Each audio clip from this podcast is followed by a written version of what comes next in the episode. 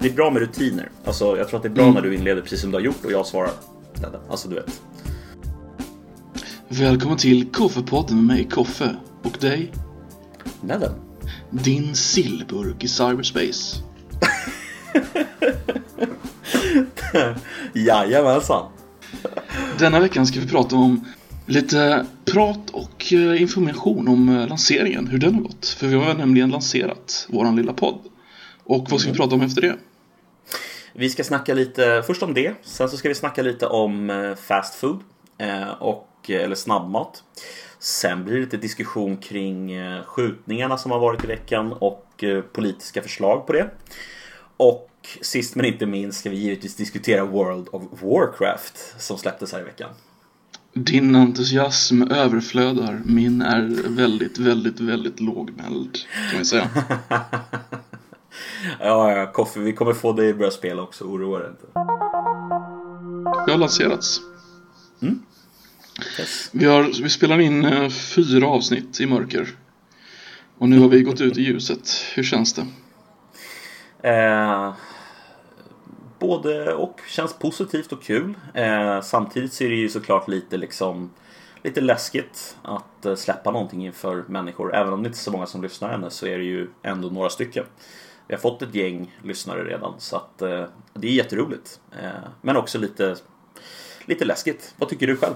Ja, absolut. Där till jag, jag vill lägga till att det är mer lyssnare jag trodde det skulle vara. Det är ju, vi pratar om hundratals, faktiskt. Mm. Mm. Det är ju väldigt fascinerande. Och, och ökar ju läskighetsnivån ganska markant. Ja, alltså du kan ju föreställa dig alltså, om du skulle sitta och spela in det här inför en livepublik där alla som har lyssnat en gång satt. Då skulle det vara ett par hundra som satt där och lyssnade. Det skulle vara lite otäckt. Ja. Hur skulle du känna inför det? Du sitter på en scen, typ så här, ja, jag vet inte, Berwaldhallen. Jag, jag tänker typ. på det där tipset man brukar få när man är scenrädd. Ja, Föreställ dig publiken naken.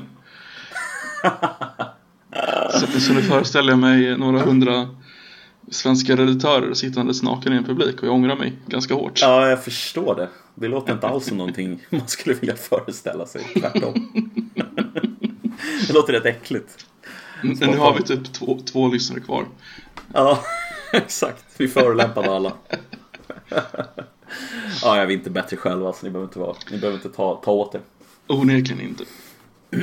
Men för de som gillade avsnittet med Van Adler så kan vi annonsera redan nu att han har lovat att komma tillbaka. Mm. Och eh, då kommer det vara mer organiserade former. Så om ni har en fråga ni vill ställa till Van Adler eh, så kan ni skicka in den till oss antingen på våran gmail som är koffepodd.gmail.com med eh, koffe stavas med C-O-F-F-E-H podd. Eller gå in på våran Discord eller gå in på våran subreddit eh, reddit.com r koffepodden. Mm. Det är ganska bra platser om man vill hitta mer om oss. Om du vill garantera att din fråga kommer med så kan du ställa den som en röstfråga på anchor.fm-funktionen som är med i podcastavsnittets deskription. Just det. Exakt. Då kommer vi spela upp din fråga och den kommer ställas. Och vi hoppas också att Adler kommer vilja svara på frågan. Vi kan ju inte bestämma över vad Adler tycker är intressanta frågor, men eh, vi tror att vi ska kunna få fram frågorna till honom i slutändan. Men vi kan garantera att vi ställer dem. det kan vi definitivt garantera. Definitivt. Tänkte vi skulle snacka lite om eh, fast food kanske? Det här är ditt ämne va? det där lät lite... Eh, snabbmat, det, det är väl ditt ämne va? det är ditt ämne va, Koffe? När jag säger snabbmat, vad tänker du på för mat primärt? Hamburgare. Alltså, Visst är det alltid hamburgare? Ja, ja, absolut. Hamburgare och pommes frites liksom. Det är, mm. McDonalds är ju första bilden man får i huvudet skulle jag säga. Mm. Men var, varför är det hamburgare? Alltså, i, i teorin så skulle det ju kunna varit eh, tacos eller vad fan som helst. Korv med bröd var ju stort ett tag. Mm. Det skulle ju kunna vara liksom som det är nere i Göteborg också. Det skulle ju kunna vara fisk. Alltså... Det, det, det är så jävla dåligt. ja men du vet ju redan nere. Du bor ju där typ någonstans i närheten. Du vet hur det kan vara. Massa jävla fisk i såna här, eh, vad heter det? Eh, som fish and chips ungefär. Fast mer Det är sill. inte uh, sill and chips, fy fan äckligt. Sill and chips. Mm. Eh, nej men helt allvarligt, jag håller med dig. Alltså, jag vet inte varför man alltid tänker på hamburgare. Men man gör det. Men Definitivt. det är alltid hamburgare. Vi har, Mm, vad är det, visst. tre nationella kedjor? Eller fyra med Sibylla kanske. Ja, säg, ja men fyra då. Ja. Finns det några nationella pizzakedjor förutom Pizza Hut? Jag tror inte det va? Nej, jag tror bara det är de. Och Pizza Hut är inte så jävla välspridd i Sverige. Nej, de finns inte överallt. De finns ju, alltså visst, de finns ju på många ställen, men alltså det är ju ofta städer. De finns ju liksom Ja. inte i de mindre ställena. Nej, precis. Men, men har du någon favorit då? Av alla de här... Eh, ehm, Det var det jag tänkte fråga dig först. Eh, av, av, om vi räknar standardkedjor som hamburgare Mm. Mm. så är det väl Burger King. Ja, alltså deras hamburgare är definitivt godast i alla fall. Det tycker jag. Jag Mm. tycker däremot inte att deras pommes frites är godast. Får jag gissa på att du tycker eller? att McDonalds har bäst chips? Jajamensan. Det brukar vara så. Det, det är inte så...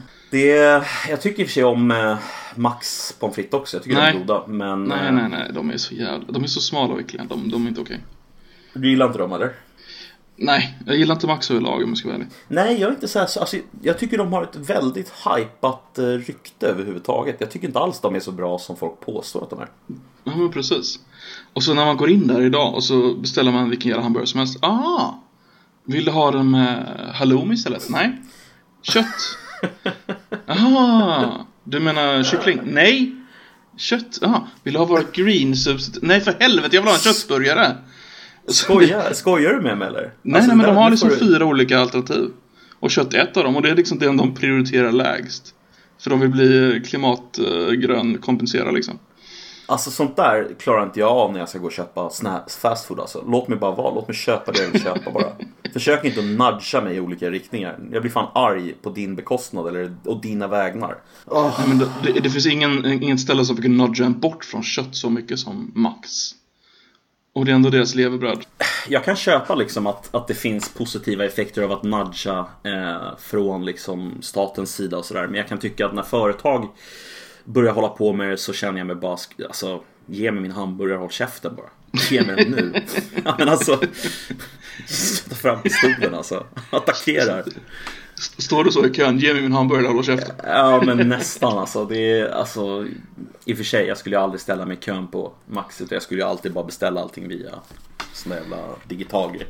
Och det här, det här är lite off topic, men jag måste dra den här anekdoten. Eh, jag var ute i stan i helgen. Eh, Mm. ja, du vet, man dricker öl, man kommer hem sent. Eh, då har man ju en tendens att beställa lite snabbmat, eller hur? Nej, det kan ju hända. det har hänt ett par gånger. det, det har hänt ett par gånger. Men det var jag och ganska många andra. Och det var bara, uh, gick in på Burger King och de hade bara de här uh, uh, blipp-plopp-displayerna som man beställer. Ja, just det. Ja. Och så får jag mitt nummer, 8432. och så kollar jag på skärmen vid kassan. Och så var det liksom 60 nummer innan på displayen. Jag bara helvete. 60 nummer. Hur länge kommer jag behöva vänta här? Och så, bara, så, så går jag fram till en kille, så, du vet man är lite full, man, man tar chansen att prata med folk. Hur länge har du väntat då? 40 minuter. Och bara, helvete. Nej. Och sen, då händer det mest magiska som någonsin hänt på en Burger King. Displayen där framme, den här, från att alla ska vänta, så bara skiftar den alla nummer till hämta nu. Det blir en rush när hela jävla Burger King bara springer fram mot den här jävla kassan. Och tre killar What? i personalen står där och var helt vettskrämda. Vad ska jag göra nu? Det, det är hela deras system pajade alltså. Det här är hemskt. Alltså jag får så här, jag får ångest å deras vägnar. Alltså förstår du att sitta eller ha det där jobbet och jobba där. Eh, I en sån jävla lunch eller fyllerush kanske man ska kalla det. Ja, alltså det är nog värre i, i, i fylleruschen eftersom det är då folk är odrägliga. Ja, exakt. en annan nivå. exakt. Eh, jag har en anekdot också, inte om att vara full och käka fast food utan om skillnaden eh, det kan vara inom samma franchise. Eh, jag blev helt förvånad faktiskt. Eh, jag bor i Stockholm som bekant eh, och har bara primärt i alla fall käkat på McDonalds i Stockholm liksom, och typ i andra storstäder, Göteborg, Malmö och så vidare. Eh, och sen så skulle jag åka till en polares landställe som han, han har landställe i, eh, i Flen. Så att vi åkte förbi Vi åkte förbi eh, Mariestad på vägen och där någonstans så käkade vi på McDonalds. Och nu har jag käkat på den samma McDonalds ungefär kanske fyra fem gånger när vi har liksom varit fram och tillbaka till hans landställe. Och varenda gång så tar det minst en 20 minuter, kanske en kvart 20 minuter att få maten. Och det är varje gång. Varje gång. Och jag blir så här, men är det här bara, alltså är det så här? Är skillnaden så stor mellan landsbygds McDonalds och storstads McDonalds? Det var min första tanke. Eller är det bara den här McDonaldsen som är annorlunda från resten av McDonalds? Alltså ha, har du upplevt någonting liknande? Eh, ja, faktiskt. Jag var på, på ett bröllop ute i Bohuslän i somras och så åkte vi eh, bil hem. Mm. Så stannade vi på en, på en, på en Donken på vägen bara så snabbt liksom. Men där blev vi, det var någon landsbygdsdonken, där blev vi sittande i 20 minuter innan vi fick få mat. Det stämmer faktiskt. Och jag blev så här, alltså det här är det liksom, är det så att vi, vi som bor i storstäderna är mer stressade även i såna här små sammanhang? Alltså för det var, det, det var lite den insikten som slog mig. När jag satt där och kände så här, när får jag maten? När får jag maten? Skojar de eller? Du vet, jag började tänka så här, vad fan 15 minuter har det gått? Jag har inte fått maten ännu. Och alltså jag beställde typ en McFeast och en pommes frites liksom. Vad fan, ge mig maten. Men sen så kollade jag ju, det var ju liksom inte ens bemannat med en femtedel av vad som det var bemannat på den McDonald's som jag har varit på liksom hundra gånger. Okay. Så att, ja, det är, väl, det är väl en fråga om sånt också, gissar jag. Jag kan tänka mig att de inte gör hamburgarna i förväg på sånt ställe. Nej, eller hur? Det är nog inte mm. lönsamt i längden kanske. Att hålla på så. Det är ändå fascinerande. Det är, det är ändå samma burgare och det är samma pris. Alltså, när det kommer till fast food och när det kommer till hamburgerrestauranger över, överhuvudtaget då. Ja. Så är det ju så här att i USA så verkar de ju ha gjort det här till en nästan som en så här fine dining upplevelse. Eh, I och med att de har, eller fine dining, jag menar inte det som tre Michelinstjärnor men det är liksom in and out och sen så har du Five Guys och sen så har du eh, några av de här ställena som liksom när de öppnar så är det kö i flera kilometer. Eh, bara för att få köpa en hamburgare. Mm. Det fenomenet har alltid eh, intresserat mig för att jag förstår inte riktigt varför folk ställer sig och köar för en hamburgare. Har du någon, har du någon insikt i varför det händer? Det har ju hänt mig, uh, jag ska vara ärlig. Det är det, ja, men låt höra. Det finns ju tre nivåer på restaurangen kan man ju säga. Snabbmaten. Uh, sen finns ju sit down, vanlig, fan, liksom, riktig restaurang liksom. Mm. Sen finns ju mellanskiktet där som inte är så vanligt i Sverige. Men det är liksom, det är ju hamburgare på ett lite finare sätt liksom, lite finare mat. Men det är ändå mm. en fast meny på ett sätt. Uh, men alltså, det, det, är ingen speciell anekdot egentligen, men det finns, alltså hipsterhamburgerställen har ju exploderat i Sverige på de senaste 5-10 åren. Ja, så in i helvete. Ja. Och de har ju varit på flera ställen där det har varit kö utanför liksom. Nu när du säger det så, så har jag också varit det. Slår det mig. Men inte medvetet. Inte medvetet. Jag ställde mig inte i den där kön medvetet utan det var helt enkelt en polare som sa att nu ska vi luncha här. Och så var det kö där. Och så ah, var det bara att acceptera det. Eh, jag tror det var på Phil's Burger på Fridhemsplanen och sånt där. Jag vet inte. Men ja, du har helt inte... rätt alltså. Det är ju... Vadå? Inte för det säger mig någonting Phil's Burger på. Nej, nej det är klart att det inte gör men, men äh, där var det i alla fall. Försöker du göra lite sån här uh, retroactive uh, hostile product placement eller sånt där?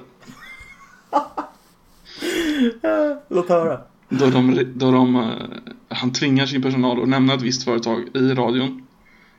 okay. och sen så åker han till det företaget och begär pengar för det. det är exakt så jag jobbar ja. Precis. Mm. Ja, alltså vi har ju som sagt ett par hundra, hundra lyssnare så att jag måste ju monetisera det här på något sätt, eller hur? Det, det, börjar, det börjar ju nu. Jag gör samma som, vad heter de här som du vet, eh, kryptolocker? Eh, mm. Där det låser hela datorn och sen så kräver den att du ska liksom skicka bitcoin. Jag tänker Jaha. göra samma sak med vår podd. Fast mot företag. Vänta lite, du ska ja. låsa podden mot företag. Ja, alltså i den meningen att, eh, som du säger, eh, proaktiv eh, blir det ju marknadsföring. Mm.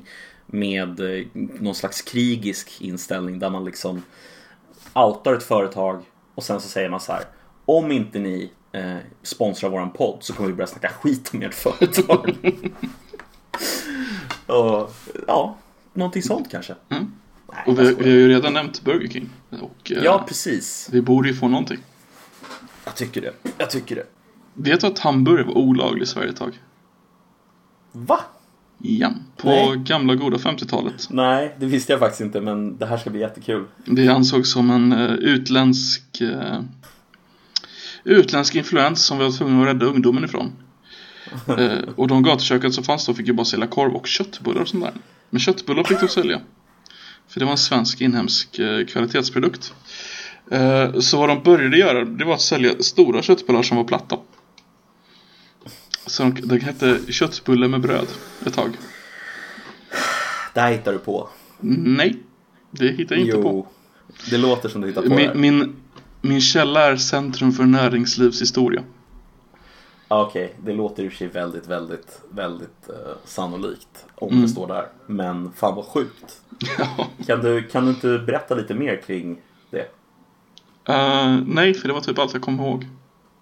Så, så TLDR, alltså Too long didn't read på hela den grejen är egentligen att vi hade alltså ett förbud Ja. mot att, att kalla köttbitar i utbankad form för hamburgare. Vi fick kalla det för, Ja. vad kallade vi det för sa du istället? Uh, platta uh, köttbullar med bröd.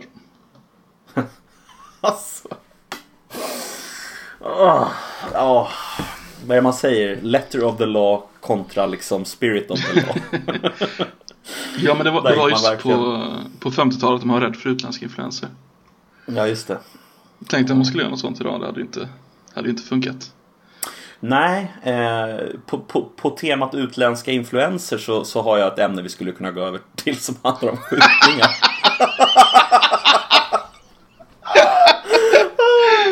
Vad tycker du om den övergången? Vad tycker du om den övergången? Är du nöjd med den? Jag är, jag är nöjd och jävligt mörkrädd. Eh, Jag kan bara säga kort, kort berätta eller kort recapa vad som, vad som har hänt här i veckan. Och det är att en kvinna har blivit mördad. Eh, jag skulle säga avrättad till och med. Eh, av en eh, gängmedlem verkar det som i någon av eh, de gängen som säljer knark i Malmö.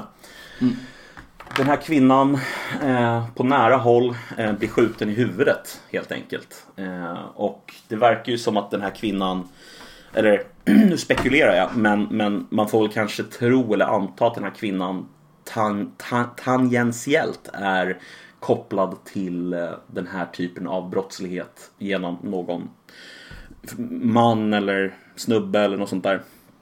Nu, nu måste jag ju lägga till dock att hon, hon sköts eh, när hon var ute på promenad i ett väldigt fint område i Malmö och gående med sin, eh, sin nyfödde son. Ja just det, precis. Exakt, Det- det, stämmer. Det är så pass gravallvarligt att eh, gamla eh, svenska kriminella har gått ut och sagt det här skulle inte vi gjort på våran tid. Nej. ehm, Det, det, är sällan det händer. det är en gräns tror jag som passerades där för en del politiker. Eh, jag- så uppfattar jag det i alla fall och det är dit vi är på väg. Men, men även för människor. Alltså jag, jag lyssnade på eh, några släktingar här i veckan som pratade om det och det var väldigt intressant att höra deras, eh, deras take. Eh, det lät ju väldigt, väldigt eh, natt, natt, svart scenario, domedags liksom. Det är ju den typen av bild som, som folk får när sånt här händer tror jag. Jag tror att det är väldigt, väldigt vanligt att folk blir väldigt, väldigt liksom man vänder på en femöring och tänker att nu är allting på väg ut för och nu är allt kört ungefär. Typ så. Grejen är ju att det här var ju ett uttalat medelklass plus-område. Alltså det var ett Mm. väldigt bra område. Det är ett eh, område som varit skonat från sånt här innan. Och det vet ju folk om. Eh, Mm. Och nu, brottsligheten i Sverige har ju ökat. Alltså dödligheten. Det får vi vara ärliga om. På senare tid. Ja, men den, den har ju varit utanför medelklassen och uppåt. Men nu har den börjat anfalla även den. Och då blir det verkligt på ett helt annat sätt. För nu känner de som, de som har något att säga till om i vårt samhälle känner nu att det kan även hända dem. Det är inte bara pöbeln under. Alltså det står, jag, jag tänkte vi skulle gå igenom det här eh, brevet från Ulf Kristersson till Löfven. Eh, för de Vad är det för brev? Moderaterna har ju, ja, det är så här att Moderaterna har kommit ut med ett ultimatum till Löfven i den meningen att de tycker att man ska genomföra vissa förändringar i politiken kring brottslighet eh, och så vidare. Eh, och i det så nämner de då att landet hittills i år har drabbats av 195 skjutningar. Eh, och det är alltså bara september. Så det är, ja, Det är första det är ett par månader kvar. Det är ett par månader kvar. Just det, är första september idag. Så de, det här är utdrag i brevet som jag tänkte vi kan gå igenom punkt för punkt. Det är ett 10-punktsprogram helt enkelt. Precis. Eh, och sen så tänkte vi att vi kan utvärdera efter varje om vi, om vi tror Mm. att det här är något som skulle kunna ha en effekt mot gängkriminaliteten. Så jag läser första Får frågan. jag, får jag bara poängtera en sak? Mm. Det, det krävs 10 punkter för att eh, utreda all kriminalitet i Sverige. Men det krävs 73 punkter för att styra landet. Nu vet vi var vi har varandra. Ja, det, det är ganska rimlig take på det hela nu när du säger det. Jag har inte tänkt på det. Ja, men kör Eh. första du. Sätt in fler poliser mot gängkriminaliteten.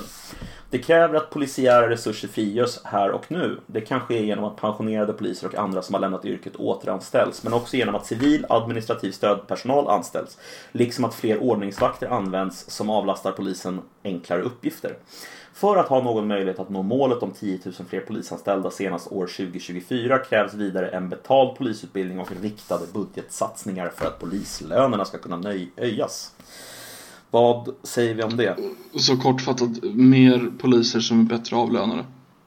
Ja, alltså och inför även någonting som gör att poliser som precis har trätt ur tjänst Ja. eller gått i pension kan komma tillbaka och Ja. hjälpa till. Det, det, det ser jag ju mer som en nödlösning. Det är att de vill ha kvar kompetensen och behöver ha kvar dem. Men, men Sverige har väl en polis, polistäthet som är ungefär hälften emot eh, eh, Frankrike tror jag va? Mm, det kan nog stämma. Vi har en av de lägsta polistätheterna i hela Europa eh, i alla fall. Eller till och med den lägsta kanske. Och samtidigt så kräver vi att de gör väldigt, väldigt mycket administrativt arbete också vill jag minnas. Veta. Yes, yes. Och det tar de ju upp där. Också genom att civil och administrativ stödpersonal anställs. Mm. Som avlastar polisens enklare uppgifter. Nej men alltså det här, det här ser jag bara som ett, en självklarhet. Varför har det inte gjort innan? Alltså vi behöver mer poliser. Ja, Framförallt så behöver vi poliser som syns på stan. Mm. Vi behöver patrullerande poliser faktiskt. Det har vi inga idag. Ja. I princip inga. Nej. Vi har några få. Eh, Du tänker Jag tror- proaktiv polis eller? ja, jag, alltså jag tror att Göteborg och Stockholm och kanske Malmö har några poliser som går runt sådär i centrum. Men överlag så är det väldigt ovanligt i Sverige att ha patrullerande poliser. Mm. Eh, polisen måste finnas i samhället. Den måste vara bekant med lokalbefolkningen. För att folk måste lita på polisen. De måste känna till sin lokala polis. Det, Jag tror ja. den där lokala anknytningen tror jag är jätteviktig. Jag tror att den skulle kunna göra massor med positivt. Eh, alltså det blir en helt annan grej med en polis som jobbar i ett område och som känner buset från yngre ålder upp till äldre ålder.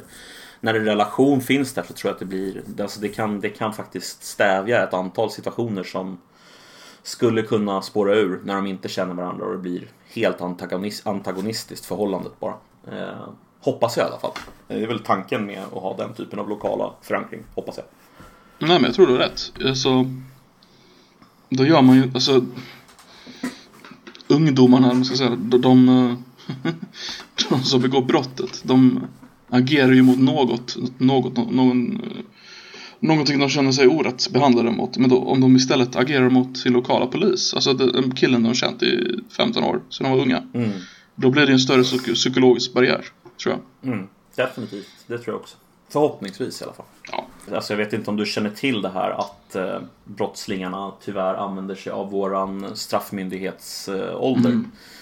Och det är ju alltså ett väldigt otäckt sätt skulle jag vilja säga att komma runt, eh, komma runt problemet med att bli eh, straffad. Och det är ju helt enkelt att man låter barn eh, som inte är fyllda 15 år och som alltså inte har något, eh, de har ingen straffskyldighet.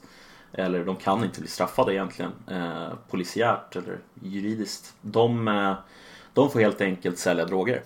Mm. och sen så direkt när de är färdiga, eh, det vill säga 15 år, då kliver de upp en nivå och sen så har de folk under sig som är under 15 år som säljer drogerna. Liksom. Det, är, det är lite knas.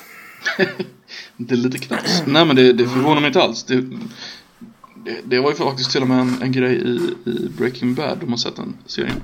Mm, När de har en massa kids som cyklar runt. Nej men det, det förvånar mig inte alls. Det, det, det är ganska logiskt. Mm. Kidsen det- har ingenting att förlora. De har inga pengar. De, de kan tjäna pengar. Exakt. Det... Frå, frågan är däremot, ska man ta bort eh, straffåldern? Nej, jag tror inte det är rätt lösning heller. Men, men man kanske bör fundera på något sätt för att tackla problemet i alla fall. Jag tror inte att rätt väg däremot är att ta bort eh, gränsen. Eh, det tror jag faktiskt inte. Eh, Sänka den? nej, nej, jag tror inte på det heller. Höja den? Alltså, nej. Behåll den där den är. Alltså, jag tror att den där gränsen är ganska arbiträr. Alltså, jag tror inte att det spelar så där jättestor roll om den är satt på 14 eller 15. Jag tror att det är mer proaktivt. Typ det som vi snackade om med, eh, vad heter det? Och så nu menar inte jag sociala insatser för det har jag lite svårt för att det skulle bara Ja men det hjälper och löser allting. Ja jo visst. Yeah right. Det kanske hjälper i vissa fall. eh, Men, men jag tror att det behövs både och. Det behövs både sociala insatser och riktigt starka polisiära insatser för att lösa de här problemen. Det liksom räcker inte med att bara eh, använda sig av eh, samhällets resurser för att bygga fritidsgårdar. Liksom. Det är inte rätt väg framåt. Jag är ledsen. Kristerssons andra punkt. Fördubbla straffen för kriminella som begått gängrelaterad brottslighet. Eftersom deras våldskapital är så stort. Och skärp straffen för brott som ofta går att koppla till gängkriminalitet. Bland annat överlåtelse av narkotika och grovvapen och sprängmedelsbrott. Mm. Vad tror du om det där? Det, jag börjar tänka på, på Danmark, vet du vad de har gjort? Nej? Om du bor i ett område de kallar ett gettområde så får du dubbelstraff. Jaha. Det är ju väldigt, väldigt udda skulle jag vilja säga. Eh, ja, Alltså det har jag, alltså det, det, alltså det skapar ett vi och dom-samhälle, det gör det. Ja, jag ogillar den typen av förslag. För att alltså, då känns det som att man pekar ut en specifik, alltså ett specifikt område i samhället istället för att peka ut de som är kriminella som råkar bo i det området. Alltså, Ja, jag tycker ändå det är en ganska stor skillnad alltså. det är det Vad tycker du absolut. Ja, det är, en, det, är en, det är en enorm skillnad. Men eh, jag tog upp det för att det är två olika sätt att komma åt samma, antagligen komma åt samma problematik. Ja, det finns ju de här RICO-lagarna i USA vet jag också. Eh, Vad är det för något? har inte exakt i huvudet vad RICO står för, men det har att göra med deras, eh, så här står det, Racketeer Influenced and Corrupt Organizations Act. Eh, och det är helt enkelt en... Eh, RICO är alltså någonting som genomfördes 1970.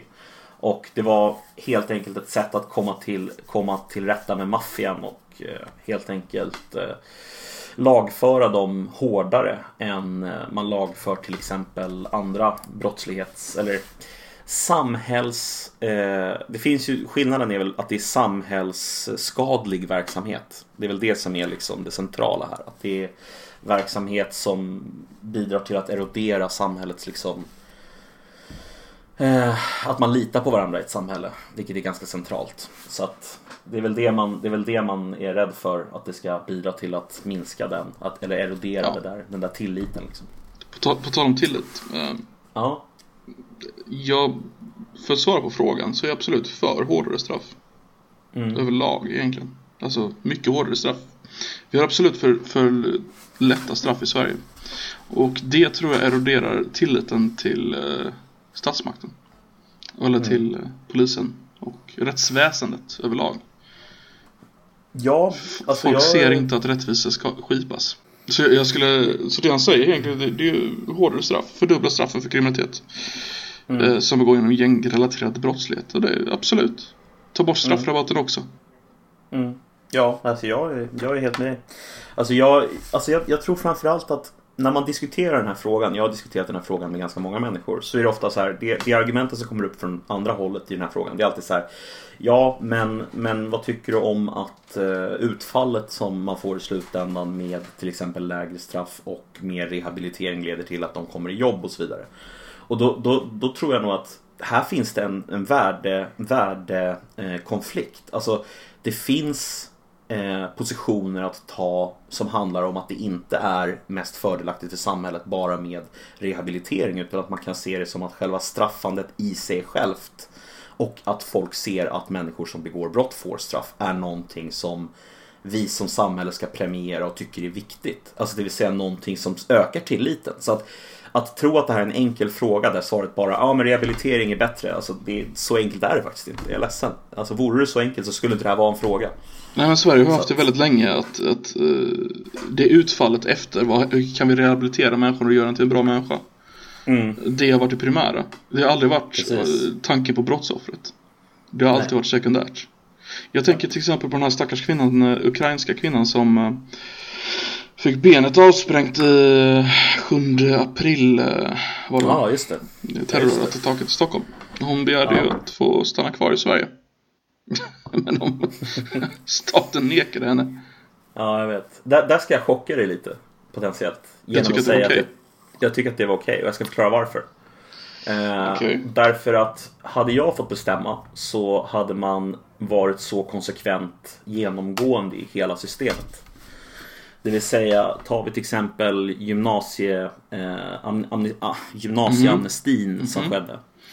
Så valde man ju att inte eh, vara konsekvent och man valde att istället då gå till mötes eh, kraven som den här gruppen hade. Och sen så la man det här ansvaret på lärarna i slutändan så att lärarna blir tvungna att godkänna eller inte godkänna en elev och därmed också eh, så blir den här eleven får den här eleven stanna i Sverige eller inte stanna i Sverige.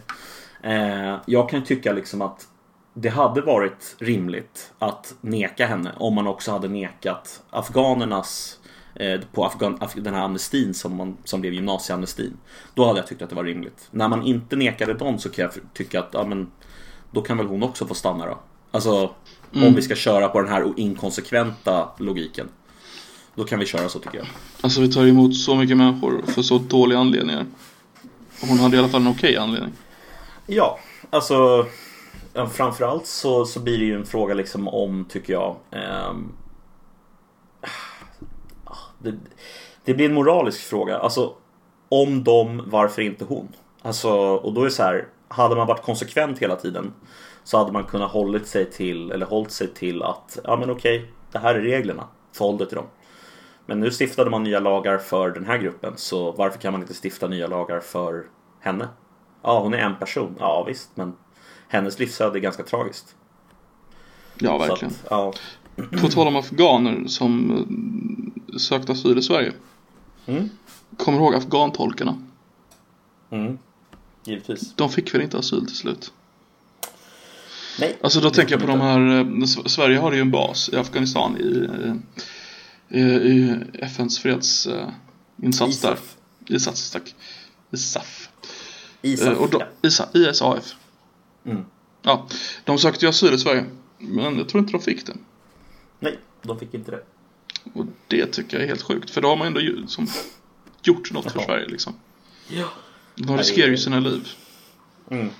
Det, det, det, finns väl ingen finare anledning att ge någon asyl eller rättighet att komma till en land än att man har uppoffrat någonting för det landet i förväg. Nej, jag är benägen att hålla med om det också. Men samtidigt så är ju det här en fråga om att man behöll den här konsekvensen väldigt länge tycker jag. Alltså man var konsekvent ganska länge i termer av hade du inte uppehållstillstånd, alltså man hade ju PUT väldigt länge, vilket var mm. dåligt tycker jag. Det var bättre att man hade gått över till TUT som man har nu. eh, alltså PUT och TUT. Permanent uppehållstillstånd och temporärt uppehållstillstånd, det är skillnaden. Ja, jag vet. Eh, men ja, du vet det, men jag bara säger det för lyssnarna som inte vet det. Men, men, eh, men eh, alltså så här med eh, hindsight is 2020 om man kollar tillbaka så blir det ju rätt osmakligt att de inte fick stanna eller komma till Sverige. Men å andra sidan så var det helt okej att stifta nya lagar för den här gruppen ensamkommande afghaner. Eh, ja. det, det, blir liksom, det rimmar illa liksom. Det, det blir inget, det är inte konsekvent. Nej, det är, det är helt jävla absurt alltså. Inför ett system med visitationszoner där polisen ges utökade, utökade befogenheter att visitera personer och genomsöka bilar för att leta efter exempelvis vapen, narkotika eller handgranater. Ja, jag, jag tänker på US, New Yorks Stop and Frisk.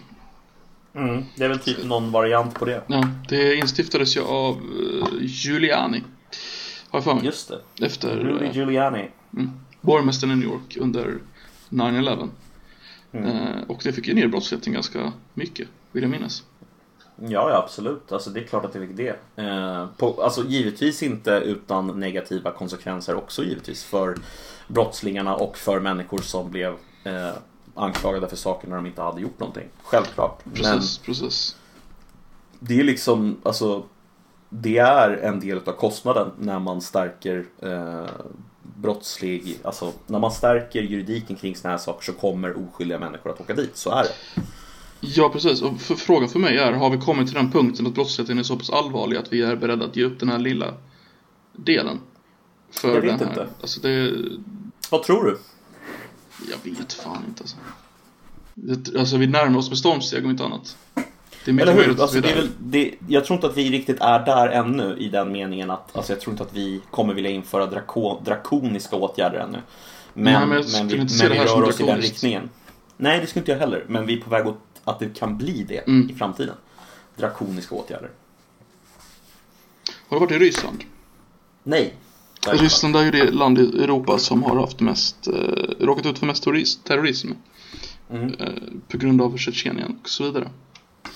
Eh, där blir det ju, om du ska in på en större tågstation eller en större busstation så har de ju Mm. poliser som kollar dig. Och, så, alltså? och muddrar dig.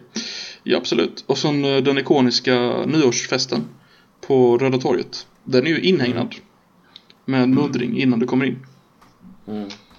Uh, riktigt dit vill jag inte komma, men Mm. Nej, men jag hör vad du säger. Ja. Det, jag hör.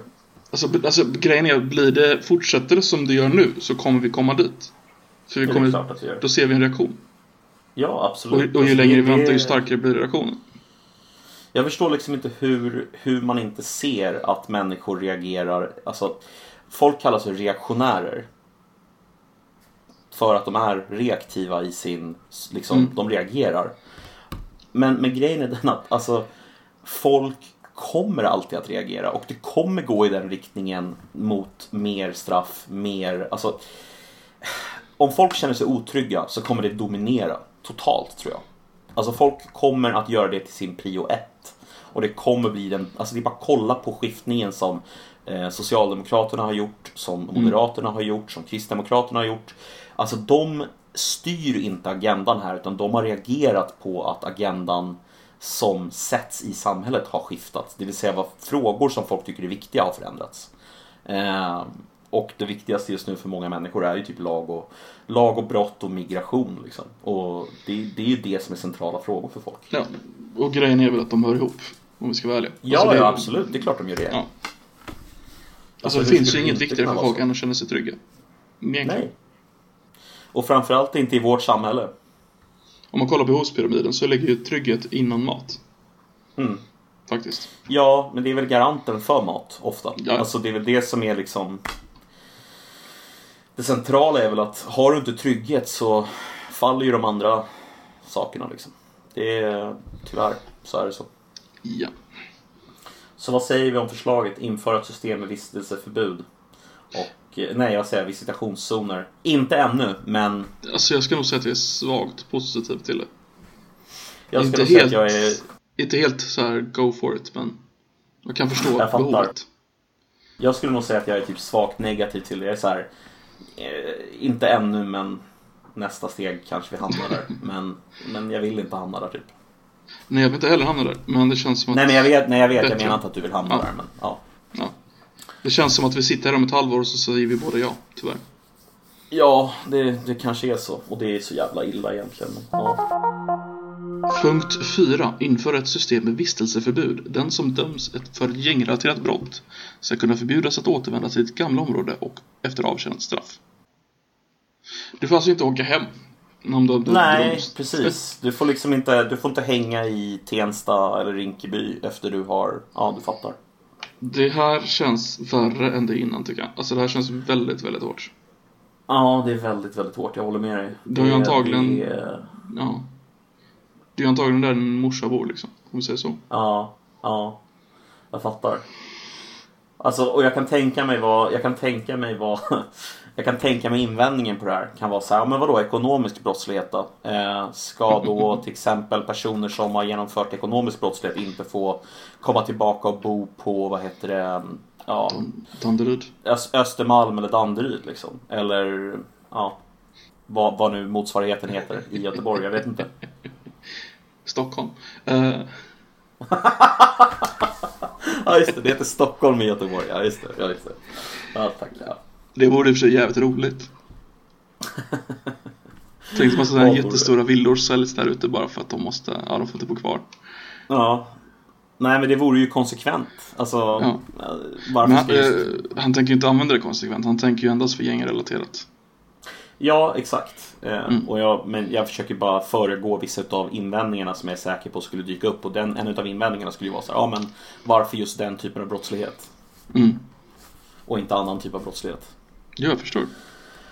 Eh, men jag, det är jag emot alltså. Det, jag tror inte det är en bra idé. Ehm, Kan man förstå logiken bakom det? jag förstår också logiken bakom det. Men jag tycker att den är, det är för, det går, då går man för långt alltså. Jo, jag, jag håller med dig. Femte då. Sänk gränsen för obligatorisk häktning så att det omfattar alla brott med minimistraff och fängelse ett år. Det skulle bland annat träffa brott som grov misshandel, rån och grov utpressning. Varför blir man inte häktad efter att du har misshandlat något redan idag? Det är en bra fråga eh, som jag inte kan svara på. Vet du vad vi borde göra för någonting för övrigt? Slår det mig nu. Vi borde bjuda in, eh, vi borde bjuda in eh, en av våra eh, eminenta eh, chattare som är på väg att bli jurist. Just. Eh, utan att nämna några namn så borde vi bjuda in den personen och se ifall den skulle vara intresserad. Därför att jag tror att vi skulle kunna ha mycket intressanta diskussioner med den personen om det här. Absolut. Ehm, nej men sänk gränsen för obligatorisk häktning så att det omfattar alla brott med minimistraff om fängelse ett år. Det är jag helt för. Jag ser inte varför inte. Häkta folk om de har begått någonting som har ett minimistraff ett år. Det är helt okej. Alltså det låter ju så helt absurt. Det skulle innebära bland annat träffa brott som grov misshandel, rån och utpressning. Alltså varför är inte de... De borde redan häktas. Ja, jag håller med dig. Att det inte är lag idag är fel. Ja, eller obligator- nu vet inte jag om det betyder att obligatorisk häktning, de kanske häktas normalt sett men att skillnaden är att då skulle man tvingas att häkta dem. Alltså och då blir det liksom en, ja jag vet inte. Det är därför vi behöver bjuda in den där juristen sen. Fråga 6. Förbättra utredningsmöjligheterna genom att öka polisens rättighet till hemlig teleavlyssning, kameraövervakning och rumsavlyssning, så kallad buggning. Inför en möjlighet till hemlig dataavläsning, bland annat för att öka polisens möjligheter att ta del av meddelanden som skickas mellan mobiltelefoner. Uh, ja du. Det är en sån här grej man behöver veta lite hur det ligger till idag. När har polisen rätt att uh, lyssna av en? Alltså så vitt jag vet så om de, om de poliserna måste veta att det föreligger typ någon typ av eh, brottsmisstanke som är tillräckligt hög grad på för att de ska kunna genomföra det här. Och anledningen till att jag vet det är för att och jag vet inte om de har gjort om de här reg- reglerna sen dess. Men under till exempel Palmemordet och utredningen så gjorde de, genomförde de sånt här på, eh, på kurderna. Alltså P- PKK då. Alltså man trodde ju att PKK var ett spår. Så då genomförde man precis den här typen av avlyssningar på PKK eh, och kurder. Vilket sen eh, man blev eh, tagna till rätten och faktiskt åkte dit för. Så att inte där tyckte man inte ens att man hade giltiga skäl. Så att det, det här med vad som ska vara utgöra, utgöra giltiga skäl för att kunna genomföra hemlig teleavlyssning verkar inte historiskt ha varit helt lätt i Sverige i alla fall. Utan det, det, det verkar ha varit ganska, ganska krångligt att få till sådana tillstånd. Så jag är försiktigt positiv till det här ändå, tror jag. Jag tänker bara på det som Snowden avslöjade. Det, vi är ju redan avlyssnade i USA allihopa. Ja, Konstant. Eh, vi- vilket inte är en anledning att vi ska göra, göra det mer kanske, men folk bryr sig uppenbarligen inte tillräckligt mycket längre. Nej, Precis. nej, precis. Så det här är ju lättare att genomföra i alla fall. Mm. Ja, ja alltså jag, jag har svårt att svara på det här om jag inte vet vart vi är idag, men eh, har de en anledning Alltså- så kör. Varför inte? Mm. Mm. Så länge de inte sparar filmerna och sånt om personen är oskyldig. Ja, alltså det, det är där någonstans. Det är, det, är, det är den här gamla klassikern. Ja, men om du har rent mjöl i påsen så behöver du inte. Ja, men alltså. Det är också, det är bara fel. Alltså, Ja, så kan man inte uttrycka sig liksom. Det är löjligt bara. Vadå om du har med rent mjöl i påsen? Det kan ju finnas andra saker att vara orolig över. Alltså, men, men, men ändå så är det så här, ja, men är det inte väldigt, väldigt bra om polisen har en möjlighet att Alltså, det, frågan är lite så här i slutändan. Litar vi på polisen eller inte? Gör vi det? Mm. Jag vet inte. Jag Jag, litar nog ändå, jag litar nog ändå på våran polis så mycket att jag skulle kunna tänka mig att ge dem lite mer befogenhet. Men jag skulle nog inte vilja att de hade NSA-befogenheter direkt. Det har nog FRA redan ändå. Eh, ja, visst har de det. jag litar inte på Morgan Johansson. Nej, det, Det får jag faktiskt vara ärlig det-. Det gör jag inte. det, det är en sund, det är en sund inställning. Nej, jag har svårt för Morgan, Morgan Johansson också. Han är, han Men det gemene polis, absolut. Får jag fråga en sak? Hur skulle du ställa dig inför, hur skulle du ställ- ställa dig inför eh, bodycams på poliser? Alltså att de skulle Som, ha eh, en konstant inspelande kamera liksom. Jag tror det är en bra grej faktiskt. Det är lite... Som polis så skulle jag hata det. För jag skulle inte vilja ha den övervakningen hela tiden på mig själv. Typ när jag sitter och käkar lunch liksom. Eller whatever. Men jag tror det är en bra grej. Mm, Du får ju bevis på allt som händer liksom. Exakt. Precis. Plus att du kan också ansvarsutkräva eh, mycket lättare mot poliserna. Och Mm. poliserna kan mycket lättare säga att nej men det här var det som hände för att situationen artade så här. Artade sig Mm. så här. Titta själv. Eh, så att eh, jag ser bara positiva delar med det. Punkt 7 här. Ja, det finansierar och sätta upp betydligt fler övervakningskameror, inte minst i utsatta områden där gängbrottsligheten brer ut, brett ut sig. Alltså det här har jag personlig erfarenhet av. Eh, I den meningen att min, min, eh, min kära mor är, är eh, studierektor, eller det heter inte så, det heter väl biträdande rektor. Eh, I en skola som haft den här typen av problem med liksom eldsvådor och brinnande papperskorgar inne och slagsmål och våld och sådär. Och sen de satte upp kameraövervakning eh, så har de faktiskt minskat den problematiken på skolan med ganska stor marginal. Sen om den problematiken har flyttat sig någon, någon annanstans, det vet jag inte. Men å andra sidan, problemet de hade var ju att det hände på skolan. Liksom. Så att de har ju löst sitt problem. Ehm, och det är det viktiga för dem. Liksom. Ja, det är klart.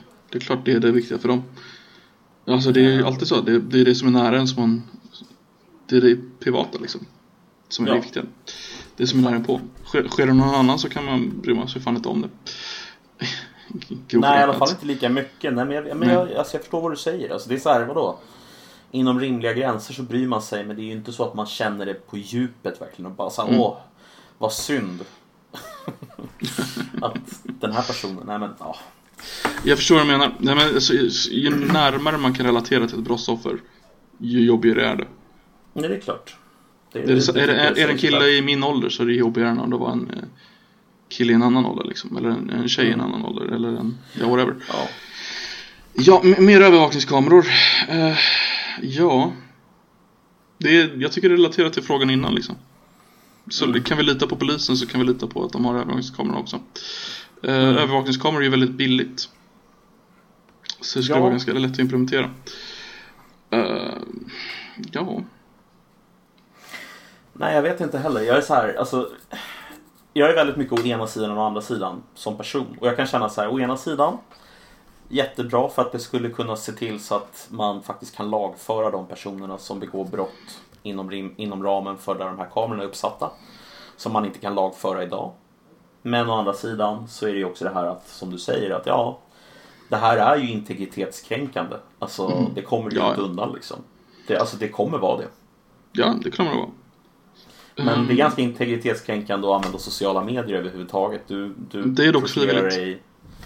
Det, det är sant. Det är skillnaden. Det är frivilligt. Eh, det är faktiskt skillnaden. Det har du helt rätt i.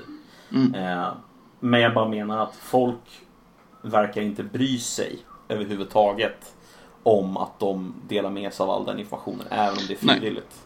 Det var lite samma poäng jag försökte göra med, med Snowden där att det, folk har slutat bry sig om sitt privatliv helt enkelt. Mm. Vilket är lite tråkigt faktiskt. Vi kan ju inte, ja. Privacy is dead. Mm. Vet du Mm. vad en panoptikon är? Ja, absolut. Vad är det för något? Panopticon det är ett eh, speciellt fängelse. Alltså man har byggt ett Mm. fängelse där alla, alla fängelseceller är i en, alltså man skulle kunna säga, tänk dig en, en cirkel eller kupol. Mm. Och, sen in, och så finns det ett fönster in så att all, du har ett fångvaktaren här i mitten. Mm. Och du kan aldrig veta om du är övervakad eller inte övervakad. För du ser ju inte vad fångvaktaren tittar på. Men du vet att någon kan alltid se dig. Och vad du gör hela tiden, dygnet runt. Det är det som är ett Precis. panoptikon. Precis. Frågan är om det inte är det han vill komma åt. Det är svårt att Ja. göra brott i en panoptikon liksom. Ja, precis. Och sam- samtidigt är det en fråga då om så här. Ja, har man rätten att vara anonym? Alltså 2019. För att alltså ofta får vi omförhandla de här olika liksom, rättigheterna och skyldigheterna med, med tiden. Och då frågar jag mig så här, är det här någonting som är ens, går det här att omförhandla eller är det här satt i sten? Vad har man rätt att vara i fred? Kan Har man rätt att vara i fred? Precis. Finns den rätten kvar? Alltså är den, precis. är den, är den, eh, är den rimlig att prata om 2019? Jag vet inte. Jag, jag, jag tror att den fortfarande är det, definitivt. Men Jag vill att den ska En- vara det. ja, jag vill också det. Men samtidigt en annan sida av mig lite så här, ja men, men är den det då? Det här är realpolitik egentligen. Alltså, det är inte det man vill ska vara utan det som är. Man får, får, får fokusera på. Ja, typ så. Och det, det är väl efter 11 september-världen vi lever i. När, Ja, det är väl det. Tyvärr. ja. Eh, tragiskt nog, fy fan. Oh, usch, vilket hemskt ämne. Men, men intressant ämne. Eh, och fy fan vilken jävla grej alltså att gå runt och oroa sig för. Kan du tänka dig magsåren personerna har som ska sitta liksom och försöka förhindra ett potentiellt terrordåd? alltså, ja, de får nog ganska mycket coaching då för att inte få magsår hoppas jag. ja det får vi hoppas. Definitivt. På tal om att få eh, magsår och det här är väldigt irrelevant inser jag men eh, I början av Facebooks eh, tid Mm. så outsourcade de alla anmälningar på bilder av barnporr till ett privat företag där det satt folk eh, och jobbade 12 timmar i sträck på minimum wage. Mm.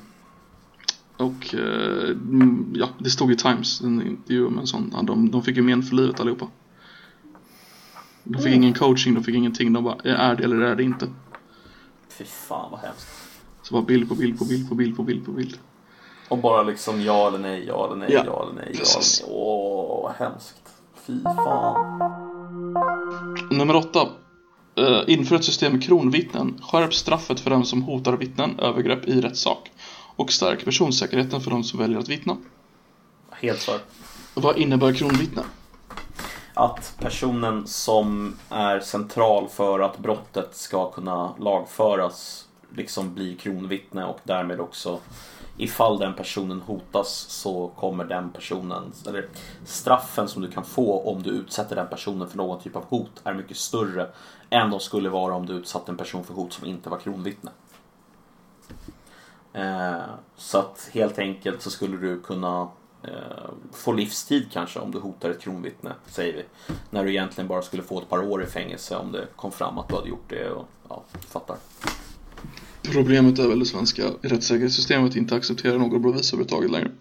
Nej, det har ju blivit ett problem med det. Det var en överdrift, men Det är klart att det är en överdrift, men alltså mm, ja, såg, du, såg du Opinion live eller? Här i veckan? nej. Det var ganska intressant. Då var det ju en advokat och ett gäng andra människor som stod och diskuterade just den här frågan. Och det var väldigt intressant i alla fall att höra eh, hur polisen upplever att eh, bevisbördan som sådan för att lagföra någon har flyttats år för år för år. Mm. Och att de menar på att där vi har hamnat idag eh, har blivit en orimligt hög bevisbörda som egentligen då motsvarar någon slags eh, teoretiskt perspektiv på lagen som inte är riktigt applicerbart i, i verkligheten typ. Jo, det där har jag hört i Ja. andra eh, tillfällen. Men inte, jag, såg, jag såg inte det tv-programmet men jag har hört, eh, jag har hört andra poliser säga samma sak. Mm. Det, ja. Och mot eh, svaret då från juristen var väl ungefär så här, ja men eh, lagen är lagen och vi har jättebra lagar. det var typ hans svar. Ja, okej. kul. Vi måste verkligen ta med honom, eh, juristen. För det är något speciellt med Sveriges rättssystem. Det, är något, det, det har en annan tanke, en utgångspunkt än många andra rättssystem. Ja, verkligen. Det är väldigt, väldigt annorlunda från Mm. mycket annat. Jag håller med. Nionde. Genomför ett tidsbegränsat försök med anonyma vittnen för att bryta den farliga utvecklingen mot parallella rättssystem där, där vittnen helt avstår från att vittna. Svagt för. Mm.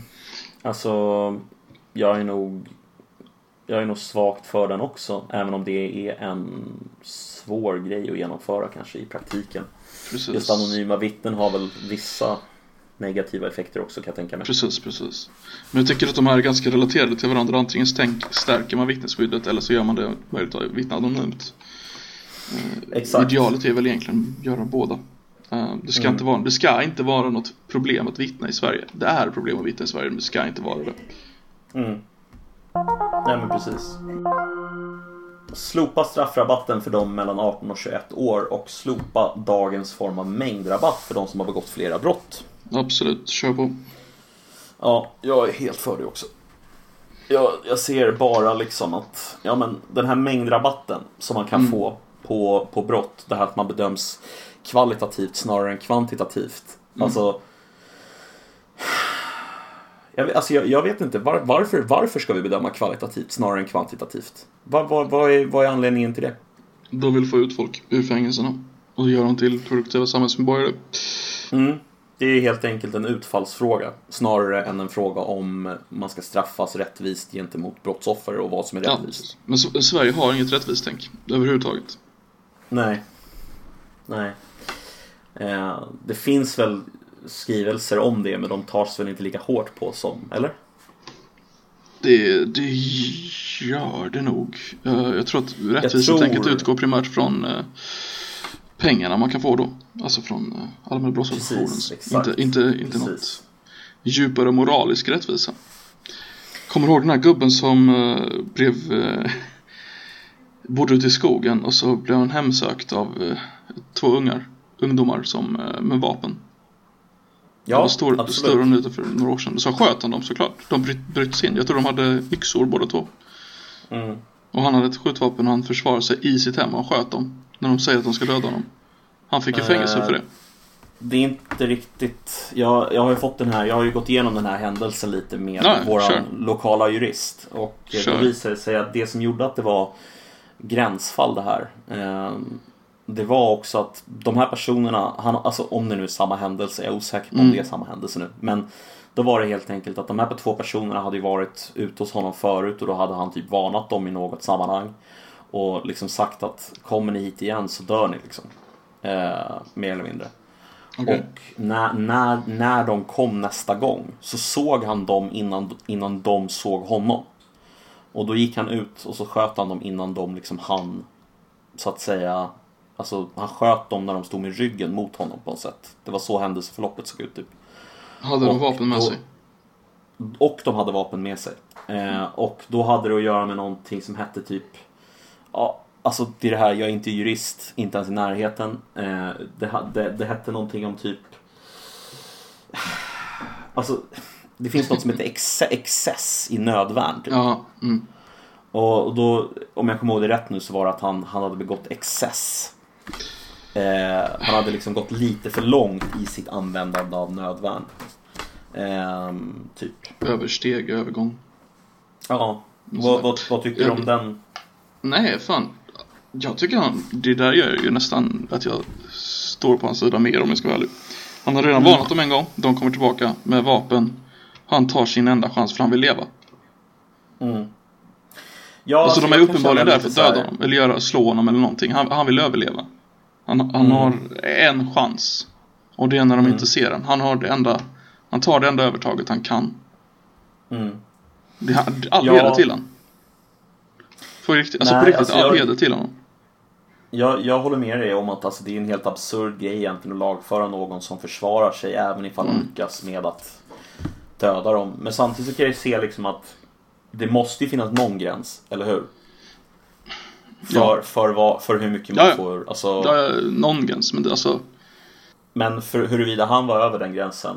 Jag kan hålla med dig om att han kanske inte är det, men men någon gräns måste ju finnas. För man kan ju lätt se situationer som uppstår som är riktigt så här. oj, det där kanske inte var rimligt. Liksom. Ja, men det, det som är förmildrande för mig, det var ju att han var hemma hos sig själv. De hade ju ingen anledning att komma Precis. dit. och han är han gammal hade också. re- Ja, ja, han var ju 70 plus alltså. Ja. Eh, Det var ju prat om att om han fick fängelse så skulle han antagligen dö i fängelse då. Mm. Eh, Men han var gammal, han borde ju, alltså. De hade ingen anledning att komma dit. Han försvarade sig själv bara liksom. Det, det är inget snack om saken egentligen. Tycker jag. Mm. Mm. Nej, jag fattar. I get it. Stand your, vi, får, Ehm. vi får införa vad Florida hade, stand your ground eh, lagarna. Ja, just det. Stand your ground. eh, och, vad är det? Castle laws heter det väl? Något sånt där. Just det, just Tror. Castle Laws heter det. Det är också en Mm. annan grej. Mer eller mindre. Om du kommer in på det här området som jag äger så har jag rätt att döda dig. Om inte du är Precis. här på... det är den mer amerikanska synen på... Det är väldigt på, amerikansk syn. Ja, ja men... eh, bring it. Men de har Eh, verkligen den lagen, alltså vissa, vissa delstater har den lagen. Alltså det, du får göra vad fan du vill på din mark. Ja, det är, det är typ så de har tänkt sig. Eh, Ja, inom rimliga gränser ändå. Eller som de tycker är rimliga i alla fall. Hur rimliga de är vet jag inte. Men ja, Mm. det, är, alltså, det är svårt. Jag tycker det är en avvägningsfråga, tycker inte du det? Alltså så här, var Jo, går absolut. gränsen? För, för, att, för att man måste ju ändå ha en gräns liksom. Ehm, Jo, jo. En viss men gräns men det. blev, blev, han lagförd eller? Eh, Jag är ganska säker på att han blev fälld första instansen, sen har jag inte följt upp det sen. Nej, precis. För jag, jag har svagt minne av när vi pratade om det här på servern förut så kom vi fram till att han hade, han hade inte blivit dömd i slutändan men att det var excess som var liksom Okej. det som han skulle ha dömts för om han blev dömd. Men att han typ blev, som du säger, i första instans men överklagade och sen det här, det här är spekulation för jag kommer inte ihåg Ja. men något åt det hållet. Är det så så gör det mig glad. Vad var det det här handlade om då primärt? Det handlar ju om brottslighet, eller hur? Det handlar om narkotikabrott. Mhm. Eller? Ja. Har jag fel? ja, absolut. Knark. Har du, har du hört talas om den nya drogen som är på väg ut? Den nya drogen som är på väg ut. Nej, det får du nog berätta om den. Fem, ja, det är en 15 år gammal drog som, som eh, har kommit tillbaka i, med, stor, med stormsteg. Den är, den är tyvärr brutal. Eh, och många människor som förstör sina liv över den här drogen. Eh, World of Warcraft heter den här drogen. och den, den, den har gjort sitt intåg på den svenska drogmarknaden igen. Eh, nej men eh, Blizzard har släppt World of Warcraft Classic som det så vackert heter här i veckan. Och eh, Vad innebär väl mer Classic? eller mindre... Alltså så här är det. World of Warcraft släpptes ju för 15 år sedan. Och eh, då släpptes det ju i den första eh, upplagan som, eh, ja, den första versionen av spelet som helt enkelt var level 1 till 60 och var ett spel designat med en helt annan filosofi än dagens World of Warcraft. Utvecklingen under de här 15 åren har inom World of Warcraft sett ut precis på samma sätt som du har sett i resten av spelbranschen. Att det har gått mot mer eh, mikrotransaktioner, mera eh, quick fix, det vill säga att du får dina liksom Alltså det här, de här sakerna som triggar ditt belöningssystem kommer mycket, mycket snabbare. Hänger du med? Ja. Så att i dagens World of Warcraft så är det ju så att du till exempel har quests. Alltså ett quest är ett äventyr som du gör liksom. Och då, då gör du ett sånt som du repeterar en gång om dagen från olika ställen. Som är då repeterbara varje dag som ger dig en liksom du, kan, du kan förutse vilken, vilken liksom eh, eh, relevant typ av utrustning som du behöver som du kommer kunna få baserat på, du fattar, det finns en liksom stringens där. Ja. Eh, Finns det lootboxes? det finns inte lootboxes på det sättet som det gör i till exempel Out, eh, vad heter det, eh, deras skjutspel som de har gjort, Blizzard. Jaha. ehm, Ja, spännande. Overwatch, Overwatch. Overwatch. De har ju lootboxes i det spelet. Men i World of Warcraft så har man infört istället någonting som är, det är så här veckovis. Om du klarar en viss nivå av, av Dungeon så får du en, en liten lootbox som innehåller gear. Men det är ju samma princip liksom. Det är ju belöningssystemet som triggas hela tiden. Så det har blivit fler och fler och fler sådana här små belöningstriggers i World of Warcraft under åren. Ja, okej. Eh, och det som gjorde World of Warcraft stort från början och vad som var anledningen till att så många fortsatte spela, det var ju egentligen alltså, den sociala aspekten av spelet. Att, alltså den sociala aspekten av spelet i originalet, den var att eftersom själva, själva spelet förutsatte att du samarbetade med andra människor så, Ja. tvingades, så tvingades ju folk att samarbeta. Eh, och den typen av samarbete försvann successivt. Så att folk är väldigt, väldigt glada att få komma tillbaka och spela World of Warcraft Classic. eh, Just på grund av den där samarbetsdelen och det skapar ju en community-känsla liksom. Så de har urgrävt communitykänslan under åren? Yes, exakt. Och nu så har de väl kanske någonstans tagit sitt förnuft till fånga liksom. Hur visar det sig?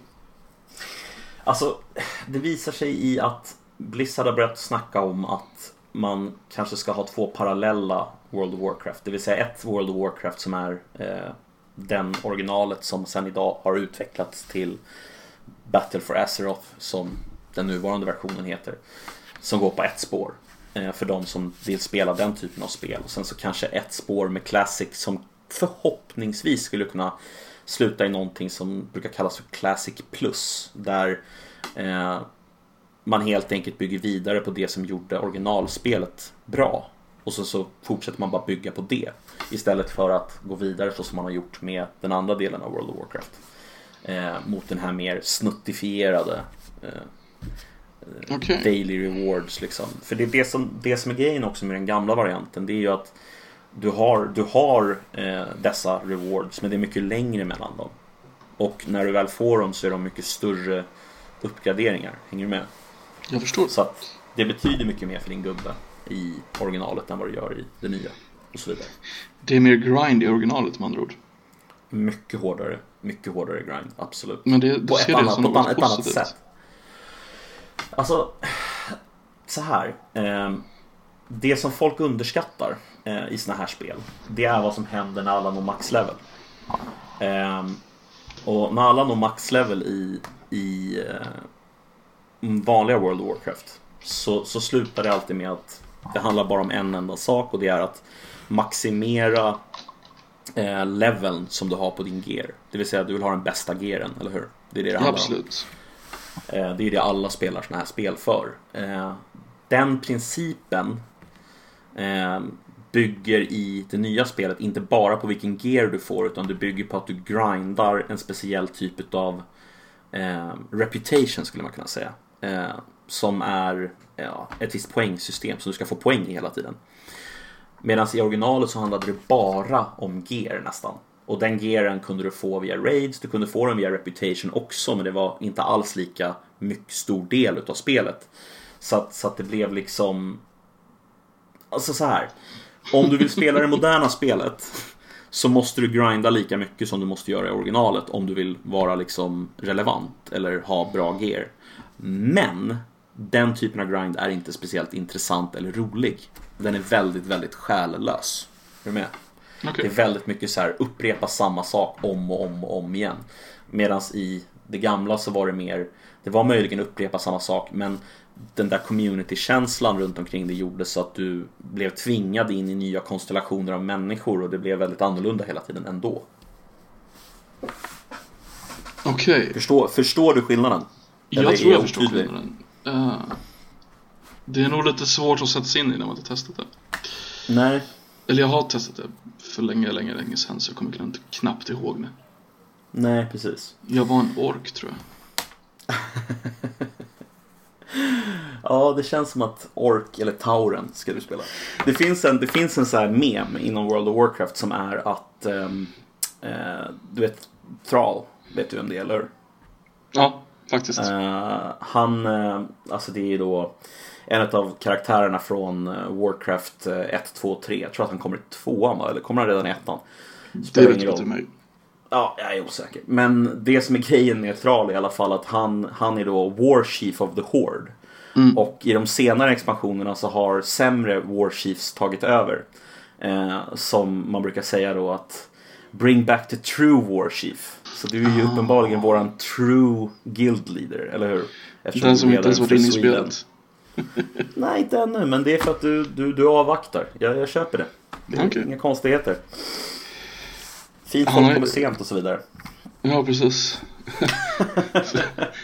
Fint folk kommer när festen är över morgonen efter. Exakt. Han är med i, eh, i, eh, i filmen, tror jag. For all. Ja, ja, absolut. Han är med i filmen. Eh, det är han, definitivt. Eh, jag tror att han till och med är en av huvudkaraktär... Nej, vänta! Vänta, är han med i filmen? Nej, han är inte med i filmen. Nej, han är inte med i filmen. Nu börjar, nu, börjar, nu börjar jag fundera här. Han är nog inte med i filmen, utan det är hans... Eh, det är generationen innan. Det är Warcraft 1 Jaha. som filmen är. Och då är det generationen efter så kommer Tral. I Så det är hans Men inte, inte och- For och all folk. bebisen då? I filmen. Jo, precis. Exakt. Det har du i Mm. och för sig rätt i. Det stämmer ju. Baby Jesus, Green Jesus som vi kallar honom för inom Warcraft-svängen. eh, vi kan ju säga det att vi spelar ju då på alltså vårat guild som heter Haha A det är det. som är då en, någon slags Swedit affilierad eh, guild som vi har skapat som eh, eh, helt enkelt spelar på servern Gehennas som är den officiella eh, eller inofficiella eh, servern för alla svenskar. Och eh, det är 20 000 personer i kön om man försöker logga in vid klockan 6 på eftermiddagen. Vilket motsvarar ungefär 20 timmar innan man ens får spela spelet. Så att eh, det är Men lite de- hypat. Men de flesta den hoppar ju ur kön också då. För att de... Ja. Exakt, exakt. Så att du kommer ändå in sådär en vid klockan 12 på kvällen eller något sånt där om du har lite tur. Precis lagom sex. till lägg- läggdags. Exakt, precis. Så du hinner in, fiska lite kanske eller någonting och sen så, hej då. Men hur gör man för att komma med i den här eh, klanen, gilden? Nej, det är egentligen bara att skapa en, eh, skapar man en eh, karaktär på eh, servern Gehennas eh, Horde så är det bara att skriva ett meddelande till Nedem eller till Nättroll eller till LifeRot eller till DRN och säga hej jag vill ha en inbjudan till gilden. Så får man den. Det är inga större krav än så. Alla är välkomna oavsett ambitionsnivå. Ja, det är fint. Ja, alltså det, det finns ingen anledning att göra det till en jävla elitist-guild utan folk, som, folk spelar som de vill spela det liksom. Och så är de välkomna in i guildet om de vill vara med. Ja, då har ni lyssnat på Koffepodden med mig, Nedem och våran eminente Koffe. Koffe, precis. Och eh, idag har vi snackat om eh, fast food och vi har snackat om World of Warcraft men framförallt om skjutningar och eh, Moderaternas förslag. Tack för oss, ha en bra dag. Hej! Ha det gött. Hej. Fan, är det bara jag eller blir vi, blir vi bättre och bättre på det här?